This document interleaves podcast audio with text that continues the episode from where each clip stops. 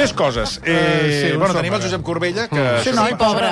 Això no passa a l'avantguàrdia, eh, perquè el Josep està aquí eh, per explicar-nos algunes de les notícies eh, La científiques. ciència, sí. Sí, sí, la ciència, eh, que vostè, senyor Boiga, sempre li Vostè dona... és molt, seu- és molt científic, eh? Sí. Sí, sí, sí. Bueno, anem a, començarem amb una, amb una mena de, de dietes que s'han posat de moda. Per exemple, el primer ministre britànic, eh, Rishi Sunak, que havia de salvar la Gran Bretanya, de moment està passant amb més pena que glòria, és notícia aquests dies perquè ha fet públic que fa un dejuni setmanal de 36 hores. És a dir, no menja res des de les 5 de la tarda de diumenge i fins a les 5 del matí de dimarts. El líder d'una de les... Eh, fi, de, de Gran Bretanya ha explicat a la BBC que després que es publicés al diari The Sunday Times eh, aquest règim, ell ho ha confirmat, mm. i, eh, clar, li volem preguntar al Josep Corbella aquest dejuni que fa el primer ministre britànic, eh, primer que em pensi si això serveix realment de- d'alguna cosa, perquè ja no és l'únic que fa aquest tipus de dejunis de 24, 36, 48 hores. Josep. Mira, hi ha una, un tipus de dieta del qual es parla molt últimament, eh, que es diuen dietes intermitents. Mm. Eh, El dejuni d'un dia, això és una cosa... Això t'interessa, Cailà? A mi tot, tot el que és alimentació i tot Sí. això m'interessa, sí. Però no faig dejunis jo, eh? Però vaja, a veure no, què expliques. però pot, pot, enga- Pot interessar, enganxar, sí, pot interessar. Está muy guapa. Va. Eh, Calli. Digui. Aleshores, dieta intermitent què vol dir? Vol dir estar uns períodes sense menjar i altres que sí que pots menjar. Quan dorms no menges i quan estàs de, Sí. de dia doncs menges. Això és la Vostè intermitència que jo fa he fet tota la vida. intermitent- Fa dieta intermitent vuit cops al dia. No? Exacte. Exacte. Bé, n'hi ha d'altres maneres de fer-ho.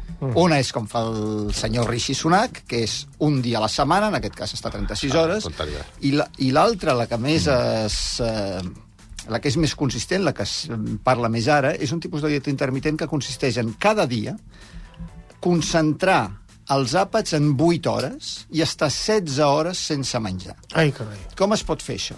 La manera més típica de fer-ho és sopar d'hora, no haver acabat de sopar, per exemple, Mm, a a, a les 10 de la nit, Ah, bé. i no menjar res, beure sí que pots, mm. uh, però no menjar res, beure sense sucre, mm. fins l'endemà a les 2 de la tarda, fins l'hora de dinar. Jo Ah, no esmorzes? No aguanto, no, eh? sense esmorzar. Jo no aguanto. Però I si aleshores mig- si estàs és- si és el- 16 hores sense menjar res. I això Però això cada dia? Sí. I això per què serveix? Aleshores, el... Si és el millor del dia, l'esmorzar. Oh. A mi- a mi- M'encanta. A mi l'esmorzar és el que més m'agrada. Igualment. Pots fer-ho d'una altra manera. Acabes, a quina hora acabes d'esmorzar? Acabo a les eh, dos, tres quarts de vuit.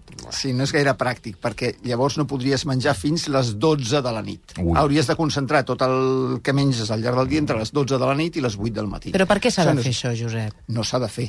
Simplement Vull dir, per és què ho una cosa- recomanen? Vale. El... Té uns... eh, Les dietes normalment eh, són per perdre pes. Mm. Aquesta, el seu objectiu no és perdre pes, també és perdre pes. Perquè si s'ha vist en persones motivades per eh, perdre pes que han seguit aquesta dieta n'han perdut, o bé si concentres tot el que menges en 8 hores i no menges la resta del dia, no tens l'increment de pes derivat d'anar picant tot el dia. Mm. Això està clar. Però el, és un tipus de dieta pensat per estar més sa. Com és que estàs més sa amb això? El, té efectes positius sobre la regulació del sucre, sobre el metabolisme dels greixos, és reductor d'inflamació. Aleshores, tot això mm. ve d'una... Els últims anys ha emergit molt una àrea de recerca, que és la recerca sobre els mecanismes de l'envelliment, que s'ha fet sobretot amb cucs, amb ratolins, amb... Mm. i menys en persones. No hi ha grans assajos en persones amb mo molta perspectiva. Mm. I el, I el que es veu en aquest tipus de recerca és que si tu poses l'organisme, el cos, en una situació d'una mica de deprivació, no d'accés, sinó de dèficit, el cos eh, s'adapta eh, inhibint els mecanismes, diguem, de creixement de proliferació. Ara ho explicaré una miqueta mm. més àmpliament. I això és saludable. El, pensa que el cos humà té resumint dos tipus de, de mecanismes diferents. Un és el període de creixement, Mhm. que és sobretot la infància, l'adolescència, eh, l'embaràs, que és que necessites eh, anar a més, llavors és un, un tipus de situació en què convé tenir energia i créixer, i després hi ha un període que és el de manteniment, que és el de l'edat adulta, que és has d'inhibir tots aquells mecanismes que et fan créixer per mantenir-te. Aleshores, per l'època de manteniment va bé tenir eh, aport d'energia per, per l'època de creixement. Sí. energia, per l'època de manteniment has d'inhibir tot això. Llavors, hi ha diverses maneres de fer-ho. Un és menjar poc, un altre és fer activitat física que acti... ac- córrer, el que fa Lujas, per exemple, mm. fer curses de muntanya, que poses el cos en una situació de... Límit, sí, eh, sí, límit. Bueno, de, de tenir menys energia de la que necessita, passar una miqueta de fred, mm. perquè llavors el cos ha de pr produir calor. O sigui, aquestes situacions en què l'organisme està en una situació una miqueta de dèficit, Mm. inhibeixen tots aquests eh, processos biològics que porten a la inflamació, porten a l'accés de proliferació, porten a un seguit de problemes de salut associats, per exemple, amb malaltia cardiovascular, amb diabetis, hipertensió, colesterol, etc. Aquesta és la base biològica. Funciona això realment en persones? Falta perspectiva, no hi ha estudis en persones. Ah, no ho sabem. No, aleshores... Ah, no, no, però home, pots- això és molt important, eh? I pot haver no. persones que sí, persones que no. Pot- Sí, perquè després hi ha casos en què estaria desaconsellat. Però si, per exemple, pe- preguntes a metges Mm. què fan, Mm. n'hi ha alguns que et diuen sí, sí, jo ho faig. Mm. I altres que et diuen no. I això ja et demostra que no, hi ha, no és concloent. Mm. I quan preguntes per què ho fan, mira, hi ha un cas que el puc dir perquè no se n'amaga, que és el doctor Joan Albanell, que és el cap d'oncologia de l'Hospital del Mar. Perquè No sé- n'hi no ha sé d'altres que, com que no m'han autoritzat a dir-ho, doncs no No diré els diguis, noms. no però n'hi ha d'altres. Quan preguntes per què ho fan, et diuen, primer, ho he provat i em sento bé. Mm. Em sento bé fent. Però això, eh, d'estar... Perdona, eh, estem parlant de- d'aquesta dieta que ens has dit. Concentrada. La, la de 16 hores sense menjar. 16 hores, no, no la que fa el primer ministre britànic, que és de 36. La de 16, eh? Sí. 16. Llavors et diuen, per una banda, em senta bé, ho he provat mm. i em senta bé i em sento a gust. Bueno, Molt bé. està bé. Després et diu, probablement sigui mm. beneficiós. No és segur, però jo penso que probablement sigui beneficiós pensant en els mm. mecanismes biològics que activa. I a part, eh, per mi, en el meu cas, amb la meva situació personal, sé que no és perjudicial. Llavors hi ha persones que ho segueixen amb la perspectiva de que sí, de que el, els hi va bé. Um, va I bé els, per I els tothom. que diuen que no? Que no ho fan perquè no Home, ho veuen? Mira, jo no ho he provat, però eh, un motiu pel qual no ho he provat és que per el, els meus horaris, el meu estil de vida, eh, per mi no em resulta convenient. Eh, acabem tard normalment a l'avantguàrdia, sopem tard, ja, no sé, tot plegat no em va bé. Després, si fas activitats físiques intenses, com dèiem la Loja, si vas a córrer a la muntanya, i, bo, i a més corres amb un esperit competitiu, eh, doncs potser penses que no et convé estar 16 hores, haver estat 16 hores sense menjar. Has de menjar més sovint. Bueno, fent esport. És que cadascú eh, sap el que li va bé, mm. en aquest sentit. Mm. Um, també, si tenim un treball que és mentalment molt, molt intens, eh, doncs, i volem estar en plena forma eh, a nivell cognitiu, mm. doncs també sabem el que ens convé. Jo, I què convé? Mira, a mi em va bé eh, al matí esmorzar bé. Clar, A mi proteïna, això- proteïna. Això em va bé. També, I m'encanta. Si no, jo sé que rendeixo menys. Sí, sí. El problema de l'esmorzar I és si que t'has de- de- de llevar. una cirurgia molt complexa, de neurocirurgia, posem per cas, jo preferiria que el meu neu- neurocirurgià arribés al quiròfan en plenes eh, condicions.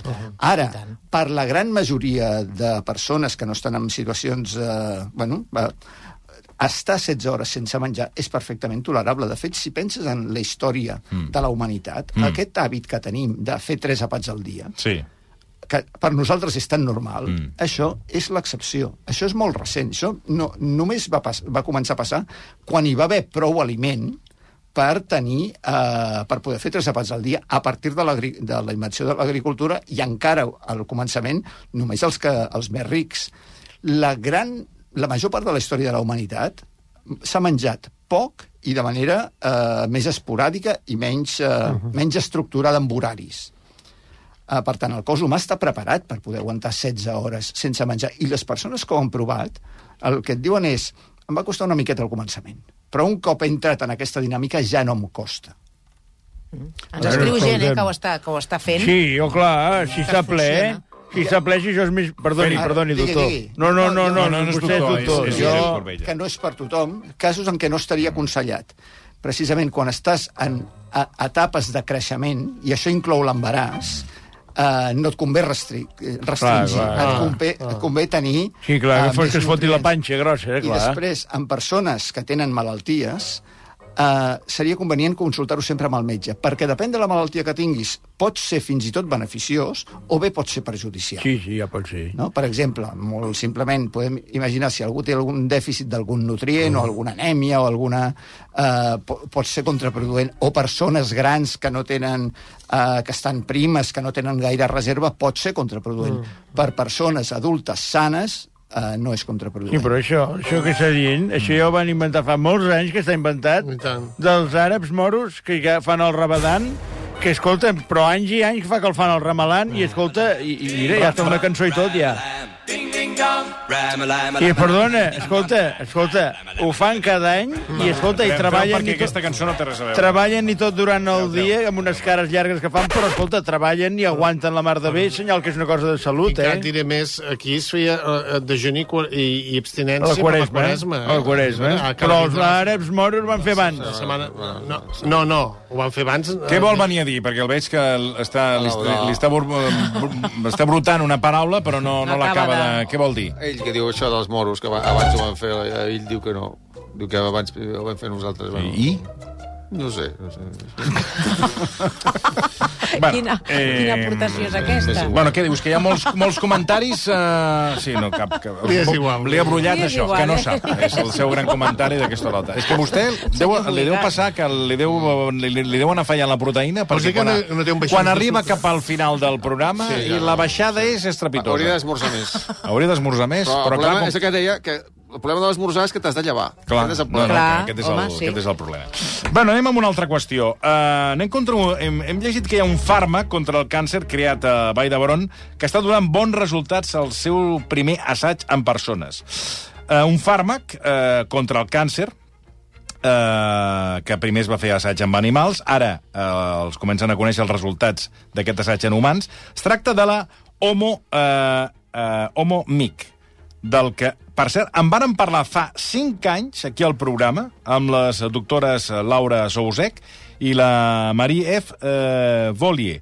Les descobridores d'aquest tractament, en principi, apunten que en fi, revolucionari. La doctora Laura Sousek en reconeixia que, ara fa 5 anys, que quan fa 25 anys va plantejar que el càncer es podia curar amb aquesta proteïna, sempre li van dir que era impossible. Quants cops eh, ha hagut de sentir la paraula no des que va començar a investigar aquesta nova via per curar el càncer? Demasiadas veces, la verdad. Eh, creo que me lo han dicho desde cuando era un estudiante. Cuando empecé a trabajar en este proyecto, me dijeron que estaba buscando algo imposible que quería atacar una proteína en el cáncer que era intocable y que entonces la idea estaba loca desde el empezar. Això, els mateixos investigadors. Sí, sí, lo- los compañeros de trabajo, todos. Bueno, doncs aquesta bogeria comença a donar els seus fruits perquè la doctora també ens va explicar que aquest fàrmac es podria acabar utilitzant per molts altres tipus de càncer, a part de, el, del que estava treballant ella, ella, que era el de pulmó. Ara mateix vostès han provat el fàrmac amb ratolins, amb càncer de pulmó, i els resultats són esperançadors. Però mm, podria acabar-se utilitzant aquest fàrmac per altres tipus de càncer? Absolutamente sí. Eh, lo que atacamos nosotros es esta proteína que se llama MIC, MYC, que está compartida por todos tipos de cáncer. Es lo que permite a las células del cáncer de dividirse y de sobrevivir a los tratamientos. Entonces, esto significa que si nosotros podemos atacar a MIC, podemos selectivamente matar a las células del cáncer y además sin dañar los tejidos normales. A veure, això ens ho explicarà eh, en quin punt som ara. Aquesta, eh, aquesta conversa la varen tenir fa 5 anys amb la doctora Laura Sousek. Eh, en quin punt som ara i què té d'especial aquest fàrmac i quins resultats ja s'estan obtenint amb pacients? Mira, el punt eh, on som és que per primera vegada s'ha provat en persones després d'aquests 20 anys de recerca de la doctora Sousek i en aquest primer assaig en persones 22 dos pacients s'ha vist, per una banda, que no hi ha efectes secundaris problemàtics i, per una altra, dona mostres clares d'eficàcia. Um, aquest primer assaig mm -hmm. uh, s'ha fet en persones que no responien a cap altre tractament. Cap. Uh, per tant, persones que estaven molt uh, malament. i que no tenien cap... Eh, I el càncer es tenien metàstasis i seguia progressant. Per tant, s'ha donat només aquest tractament sense combinar-lo amb cap altre, perquè cap altre funcionava. Hi ha hagut, per exemple, un cas d'un pacient amb càncer de pàncreas que, després de començar a rebre l'homomic, la mida dels tumors s'ha reduït a la meitat, la quantitat d'ADN procedent dels tumors que es detectava a la sang ha- s'ha reduït a una desena part i el càncer se li ha estabilitzat durant set mesos. Ha deixat de progressar. S'han vist respostes positives també, casos en què el, càncer ha deixat de progressar durant un temps, durant uns mesos, amb un pacient amb sarcoma, amb càncers colorectals, amb pulmó, i el cas més espectacular de tots és un pacient que tenia càncer de glàndules salivals, que és, si recordeu, el que va tenir el Tito Vilanova, um, que tampoc tenia cap opció de tractament, tenia metàstase, tenia un molt mal pronòstic, va començar a rebre l'homomic i durant 26 mesos se li va estabilitzar la, la malaltia. Per tant, són proves prou bones per continuar el desenvolupament d'aquest fàrmac. A partir d'ara, què es farà? Es eh, centraran els esforços en càncer de pàncreas. Per què pàncreas? Per una banda, perquè ha funcionat amb dos pacients amb pàncreas, i per una altra, perquè és un tipus de tumor on fa molta falta desenvolupar tractaments, perquè el càncer de pàncreas amb metàstasi té, hi ha una carència, hi ha una, una manca de eh, tractaments que funcionin. Per tant, si funcionés, com s'espera, eh, doncs seria un gran progrés. Això requerirà el seu temps, eh, perquè, quan, perquè aquest fàrmac s'aprovi, aquest o qualsevol altre, mm. el que necessites és que quan s'aprova eh, t'has d'assegurar que tindrà els beneficis que esperes i que no tindrà efectes secundaris que no esperes. Per tant, no n'hi ha prou en provar-lo amb unes desenes de pacients, com s'ha fet fins ara, sinó que s'ha de provar en centenars de pacients. I això requereix el seu temps, l'has de provar, has d'esperar a veure com responen, has d'analitzar-lo. Per tant, en el millor dels casos, eh, si la, aquesta recerca... Quan, la pregunta és, i això quan estarà? Això quan pot arribar als pacients? Mm. En el millor dels casos, ara aquest eh, assaig de càncer de pàncreas tindrem resultats en dos anys, després se n'hauria de fer un altre amb més pacients, més ampli, perquè aquest serà de 30, i en el millor dels casos, entorn de l'any 2030, això podria arribar als hospitals. Doncs uh, tant, de bo, tant de bo sigui així. I tant. Bé, uh, Vicenç Martí, vostè serà el protagonista... Què ha passat? eh, Del que, bueno, protagonista perquè vostè té set gossos, recordem. Sí, Ardilla, Sevilla, Estrella Gitana, Autopsia, bé. Muerte y Defunción. Uh, I tot seguit... El... No, no, em porti, no em porti els gossos aquí, ja li he dit mil vegades que els deixi fora. És que sem- eh, això, faci com el franquesa, que franquesa amb, el, amb el seu gos el deixa fora. I no dispari, home, no dispari, que els espanta. No, son las ungles. A veure, eh, anem amb un estudi que ens porta el Josep Corbella sobre quant de temps pot viure un gos i quines són les races més longeves. A veure, una, una investigació que, poca broma, la, la publica... Noi, és difícil fer programes amb gossos i tot. No. Uh, L'ha publicat la revista Nature. A veure, què ens explica, Josep? A veure, quines, quines els Mira. gossos més longeus i quina uh, és la raça o les races que, que viuen més? Mira, és variable. El, la Perquè mitjana... vostè, quin, quin tipus de raça és els gossos? De carrer. No t'hi fixis. Pataners. Ah, no té fet Pataners. pataner. Pataner. pataner. Sí, La raça, diu. El, Raça catalana. en aquest estudi el que s'ha fet s'han revisat dades de 600.000 gossos de 155 races diferents. Fixa't, fixa't. Uh, I com és, de que, manera... perdó, com és que són tan diferents els gossos entre ells? N'hi ha de Si de petits, n'hi mateix, ha venen, de de, venen del llop, Claro. del llop, del llop, però els humans els han criat des de fa 15.000 anys aproximadament. Però ho han barrejat Ja, amb rates o alguna? Perquè alguns són molt petits i... Entenc això. doncs simplement perquè el, les persones han buscat algunes característiques dels gossos i s'han buscat característiques com que fossin bons per caçar o bons com a pastors. Sí. O bé és una creació fossin- nostra, eh, el gos? L'hem creat nosaltres, eh? Les Si no fos per diferències- nosaltres, no hi hauria gossos, Les eh? diferències entre gossos es deuen a les pràctiques de cria deliberada per eh, seleccionar Sí, sí, sí. alguns trets concrets, per això n'hi ha de tan grans, de tan petits, és tot tan variable. Curiós, eh, No? curiós. Aleshores, anant a la longevitat, Sí, a veure. quan viu un gos de mitjana? El que s'ha vist amb aquesta mostra Sí. de 600 A veure, quan viu? De mitjana, 12 anys. 12 anys. Ara bé, uh, és molt variable, segons el gos i segons les races. Ah, a veure. Uh, en general, el que hem vist és que aquells que són petitons mm. viuen més que els que són grans. Ai, que maco! Uh, per exemple, el Sant Bernat Sí, els, aquests De els mitjana, grans, sí. només 9 anys. Nou? Què Malament, dius? els El Sant Bernat, 9 anys? Són dels camells. Què dius? Què dius, ara? Ah, Perquè no es fot el bull- whisky que porta. El bulldog no arriba a 10 per anys. El Bulldog no arriba a... Els de morro. Ah, senyor Buigas, el Bulldog no arriba a 10 anys, eh? Ells que s'ofeguen. Aquell tan lleig, aquell que es deu mirar al mirall i deu, deu morir al veure's. Hi ha una qüestió que és la forma del musell. Els que tenen musell allargat Sí. solen viure més que els Ah. que tenen el, Veus? el morro aixafat. Veus? Ah. L'estudi no diu per què, però el Mm. Que veu és que quan han mirat aquests 600.000 gossos, això es compleix. Aleshores, eh, n'hi ha d'altres que poden viure de mitjana algunes races més de 15 anys. Amb això, per això, Escolteu, perdó, ens amb, amb les persones també passa. Qui té més morro, viu més. Un oient, un oient que va tenir un Aquí gos... està, aquí està. Sí. Torno a explicar, torno a explicar, torno a explicar. No, ja ho hem entès. No, cal No, tornar. no, no, que ho sisplau, torni a no, a mi no explicar. fa res, eh? no, no, però No a mi sí- cobrarem No, més, però a mi sí, a mi sí. Digues. Igual hi ha alguna persona que... No, ja està. El Josep, el Josep Forcade, que ens diu que va tenir un gos de la raça Lhasa Apso. No sé raça Apso. No sé qui és. No sé, té, té nom de medicament, és dels aquest. camells, Eh? és dels camells. Escolta, va viure 14 anys de mitjana. De mitjana. 24 anys. El de- el devia tractar molt bé. 24 anys. El devia tractar molt bé. Un espectacular. Vaig a mirar la raça aquesta, a veure quina Apso, pinta fa. D'aquestes 155... Doncs té el cabell bastant llarguet, aquest, no? És com, mira, mira, Toni, és aquest. Ah, ui, no m'agraden Com, aquests. com el descriuries, aquest gos? Tenen el cabell Pues bastant lleig, llarg, Lletget. Lleig. llis, No, Lleig. va, no, no seria del Té meu morro, gust. té morro llarg. No, no, no, no, té gaire aquest morro, no, eh? Té el nas Té el nas aixafadet. aixafadet. El... A mi de gossos me n'agraden molt pocs. I... Sí, que ens t'agraden. I tampoc... Com les persones. Tampoc, de moment, no estic pel tema. La majoria de les races, la mitjana està entre els 11 i 13 anys.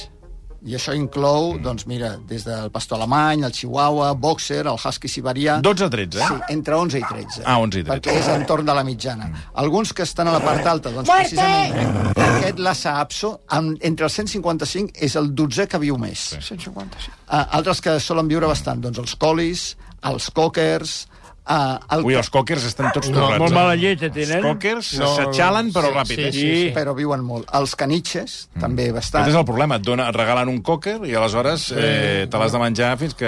Grilla, fins que grillats palmi. i no es moren, eh? I de totes les races, la que més viu és una que jo no coneixia, que és el Lancashire Heeler, que Ui, és un veure. tipus de pastor petit. Hitler? Hitler. Heeler, No, Heeler. Heeler no. E A veure, H-E-E-L-R. busca, a veure... Té bigoti, Aquest de que mitjana se'n va als 15 anys i mig. Ai, que maco. Blanc, què? Hitler. Lancashire Heeler. Healer. És, és Heeler. com, sembla com un pastor petit. és un Aquest, pastor mira. Petit. A veure... Tampoc m'agrada. Tampoc no li agrada res. És que em fan por. Aquests Aquest fa una mica de respecte. Fan una aquest mica de por. eh? Fa, sí, fa una mica de Fa una respecte. mica, saps, Potser és molt que maco, eh? Però...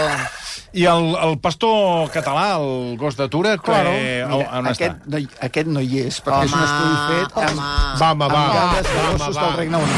Home, Fora! Fora! Fora! Vam saber Pobre això. Josep. Ara, Ell no en té la perdona, culpa, home. a casa tenim una gossa que és creuament de, de pastor de Pirineu Mm.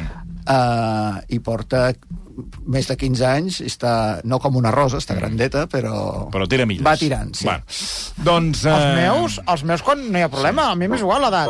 Perquè jo el que faig és que quan se'm mor un, per exemple, l'autòpsia es va morir l'altre dia, i vaig a la protectora amb una gossera, n'agafo una exactament igual i queda substituït. Què li posa un altre nom? No, autòpsia igual. Autòpsia. Ah, és l'autòpsia vintena ja, eh? Clar. Autòpsia Com els 20, Reis. com els Reis. Po- Posa Sí, sí, número, tinc, no? tinc l'autòpsia 20, la Sevilla 15, l'Ardilla 28, la, la Muerte 24. Ara recordo que una sèrie que ens va, que, de la que ens va parlar la Mònica Planes, que hi havia un gos que era el propietari... Ai, sí. De, de, Com es deia aquell no sé com es deia, documental? però també eh, eh, Ui, que era un i primer gos, i segon que era un i- pastor alemany, Sí. Era- era que va tot, tot una herència, Sí. i també era el, el, el, el, tenia un nom, que ara no recordo com es deia, i, i aquest nom, bueno, i, i era, però ja no era el primer. Gunther. No. Gunther. Gunther. Sí, I era faig el mateix. El era perro millonario. Però el perro millonario ja era el Gunther tercer, Claro, Gunther quart. claro, anava- I el que faig amb els, i amb els que es moren els guardo en un congelador, que vaig comprar un arcó, tinc una vida amb un arcó, i els tinc congelats per si mai la ciència aconsegueix ressuscitar-los, com a Walt Disney. Pues mira. I n'hi han Això l'avisarà, 50. el Josep l'avisarà quan sigui Sí, el sí, cas. sí. Josep Corbella, moltíssimes gràcies, A vosaltres. per uh, visitar-nos. En dos minuts ens n'anem cap a Londres perquè uh, tenim el enredat, Carles eh? III, Està enredat, eh? que està delicat. Sí, noi. el Guillem, el príncep Guillem, se l'ha vist molt Molt desmillorat. prim, eh? Molt prim La Kate i Middleton és un misteri eh? la salut A què i, dius, ara? i que no es confirmi Ai, que no ai. es confirmi el vaticini, el, el pronòstic Per de favor. Nostradamus. Ai, ai, ai. Versió RAC 1.